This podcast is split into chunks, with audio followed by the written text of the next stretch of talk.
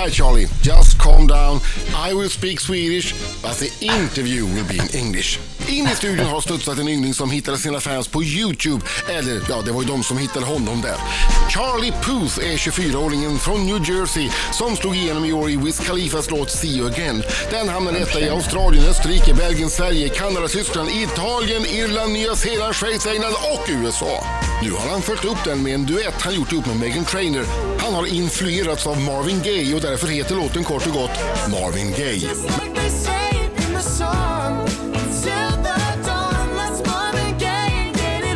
Från början var Charlie Puth något av USAs svar på våran Ulrik Munter.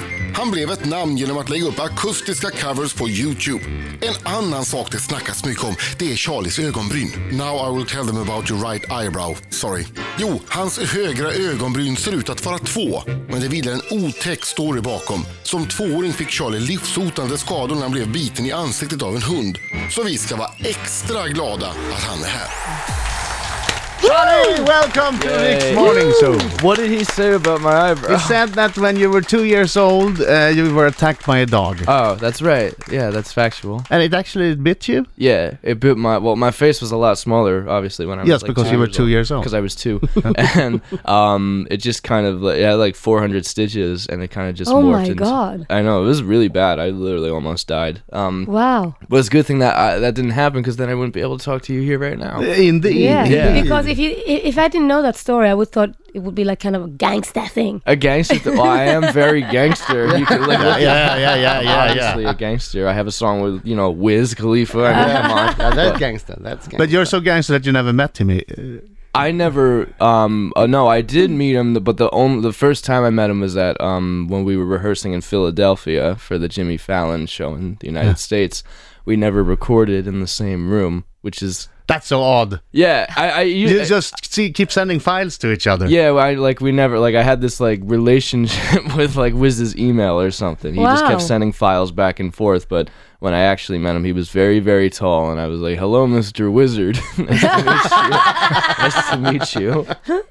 Well, is it true that uh, that song, uh, there was a kind of a competition uh, for getting it on the Furious 7 soundtrack? It was. It was only, and, and I and I was like a nobody songwriter too. It was my second day in um, Los Angeles, and uh, the Fast and Furious people reached out to like 200 songwriters. It was like the first day that they did it, and they were like, "We need a song at the end of the movie." And I was like, "Oh, okay. I'm gonna really make my publisher happy right now. I want to produce hits. I want to, you know, I want I want to be a successful songwriter. So I'm gonna like write the best song I can right now." Yeah. And it happened in 10 minutes, and which is really Wow. unusual because usually songs take like an hour for me to write. But I Oh. was like, I was thinking of my um. Unfor- I, I was thinking of Paul, but I was thinking of my friend too, who had passed away too. So I had kind of personal experience, and um, I think that's the reason why it happened so quickly. And I remember showing it to uh, Mike Caren, the head of the publishing Yeah. division, and uh, he was like, his mouth dropped, and then he was like, "I'll be right back." And then he brought like other executives, and they were like, "Listen, play that again." And then, N- Oh Then you my, I get the that you've goosebumps here. something That's good. fantastic. Yeah. yeah, it was, and and literally one day, Fast and Furious was like, "All right, we're done. We have the song."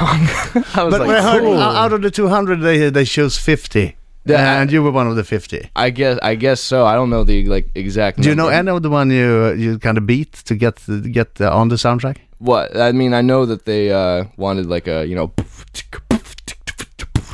kind of like you know break beat, but like because something that didn't make you feel like you just left a funeral either. Yeah, They, yeah, they wanted something you know like that represented the brand But, too. but have you heard of any artist you actually beat uh, out of the finalists to Oh, get on I the thought see, it's the it's the language barrier. I thought Ah. you were asking what kind of beat they. No, want. it's my English. Oh no, it's good English though. Um, no, I haven't heard of any artists that I beat. But um, what's interesting is that I wasn't gonna sing it originally. I wrote it for someone else to sing. Um, And, and but you you did the demo, you demo version of it singing. what you hear on the radio right now is the demo. It's the first thing that so I So they sang. wanted you. was cool. yeah. So that's like the first thing that I sung. Charlie Puth som ju har en märklig slump här i studion! Yeah! Now let's talk about uh, the pronunciation of your last name. Oh boy. I saw on your on your uh, was it Twitter or Instagram that you said Puth. Poof. Yeah, that's what poof. Yeah. It, it rhymes with um truth. Poof. Yeah. Yeah, truth. But but you, your last name must have been mispronounced a million times. I've heard. Give us some of your favorites. I my favorite in China when I went to China was Charlie Perth. Pear.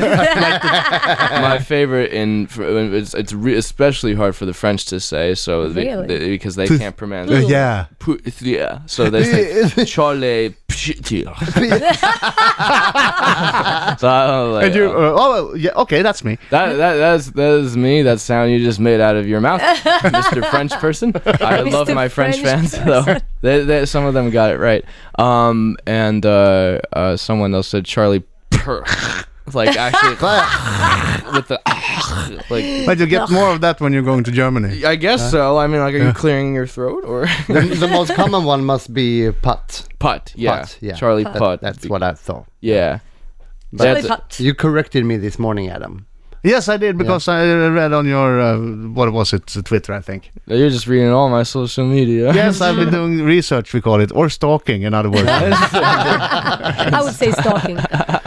So, but, but uh, to this date, what's your what's your biggest, uh, you know, pinch yourself in the arm to know that you're not dreaming moment? I like that question. I think hon- honestly, when they um, I, so in the room where I wrote "See You Again," when "See You Again" happened, which is in uh this random studio in Hollywood, that was uh pretty amazing. But when it went number one, and uh. My friend called me and was like, "You're number one on Billboard Hot 100," and I was in the exact same room with the exact same guy that I did the song with. Yeah. I was like, "That's the that, that that's like my friend like who passed away saying hello like in the, like that's Yeah. that's that's immediately what i thought so and he always told me that i would have a number one song too so that's when i was like whoa super That's Okay, super now I'm getting goosebumps everywhere. what Yeah. Destiny. oh i actually Yeah. see those Yeah, yeah, you see. i had goosebumps the size of raindrops like boop boop boop like huge like huge like some people thought it was like a weird thing with my skin no it is, uh, But yeah. you you must have uh, had lots of firsts the Yeah. last couple of years. I mean, the first time you heard your song on the radio. Yeah, first Mm. time I heard my song self on the radio was um in it uh, every every first for me is where it first happened. So I was in my bedroom when I used to listen to my radio station in uh, um, uh, New York City, Yeah. and um, uh, the first time I heard myself on the radio was in Los Angeles when I was just with myself in my bedroom, and I was just I just quietly listened to myself, and I was just like getting all choked up. I'm like, ah, I kind of did something cool. It's perfect. That's perfect. And I, uh, you're 24, right? I'm 23. 23. Yeah. Uh, yeah. Uh, Even though I look like I'm 14, I can't You're it born any December 91. Yeah. Yeah, because I have a son that's born December 91, so, so I should have known that. Oh, yeah, Okay. okay. uh, uh, have your uh, girl quota uh, Expand. What are you going since you Oh were my number god, one? that's such a stupid question. No, No, it's that's good a question. not. Of course it has. question. Of It's a good it question. has. I was just telling you guys before that this is like the land of the most beautiful. I've never seen any more pretty women like here anywhere. Why are you And, uh, drooling? Come back in July. Come, Why are you t- come drooling? back in July. I'm really upset that I'm can't uh, I, I can't stay here for longer than a day. I'm really like gen- not just me saying this for the radio. Like I'm genuinely upset that I can't stay here longer because there are so many pretty girls here. Ugh. my friend Axel Ulfsen said that uh, I would I would run into a lot of pretty girls here. So he was uh, And he spoke the truth. he spoke the truth. Well, he spoke in Swedish, which I didn't understand, but later I understood it was the truth. Swedes speak the truth. Mina damer och herrar, här är Rix MorronZoo! Riksmorgon så 8 minuter i 9 i studion. Det är jag som är Adam. Det är jag som är Laila. Och det är jag som är Tobbe. Kyttenmärken. Kyttenmörken, gäst i studion också. Charlie Poon! I, I heard American. I I'm trying to understand what y'all are saying. That was just a presentation. Oh, okay. Okay, Mr. Booth, it's time for Tobbe Trollkarl to turn into a hard-hitting journalist. Mm, mm, mm, yes or no answers only. Okay. And you need to speak truthfully because Laila is a human lie detector. Yeah. I'm and if she if she eye. if she hears you lying, you'll hear this sound. Okay. Mm, are I you see, ready? I see her looking at me, Yeah. and I kind of enjoy it. Okay, go ahead. Welcome to Sweden. Okay, are I you was about to say you're too young for her, but uh, no, I didn't. Yeah, let's go. Okay, Charlie Puth. Have you ever played video games naked? yes. Yeah, have you ever stolen anything? Yes. Do you have any homosexual experiences? No. Have you ever been chased by the police? No. Have you ever smoked a cigarette with a forbidden substance, or as we say in Swedish, just a cigarette? Uh, yes. Hmm? Do you shave yourself down there? Yes. Do you shave your poops? Oh my god. Oh, All the Swedish fans goes, yeah. Oh. Do you shave your Do you shave your poots? Have you have you ever said it's not your fault, it's mine? At the same time thinking it was all your fault, asshole. absolutely. Yes. Yes. Have you ever thought? have you ever thought? Well, Marvin Gaye was good, but I'm better. No, I never thought that. Have you ever said to anyone? I seriously haven't. No, I just kidding. My I heart's kid. beating I because was of the Red Bull. kidding. Have you ever said, "Don't you know who I am"? Unfortunately, yes. I Oh, have. you- Okay, I'm good sorry. I'm one. sorry. yeah, that's I'm the sorry. Good. I'm no, sorry. no, we like you for that. And and uh, the final thing, uh, rumors are that you, Charlie Puth, you love, worship, and adore Sweden's number one magician, Toby Trollkarl. Oh Is no, it true? that's. Absolutely. Yeah! He loves you. Yeah, he loves loves me. you. I'm not gonna applaud that. I'm not gonna applaud that. So when- when did you say, "Don't you know who I am"? Um, I.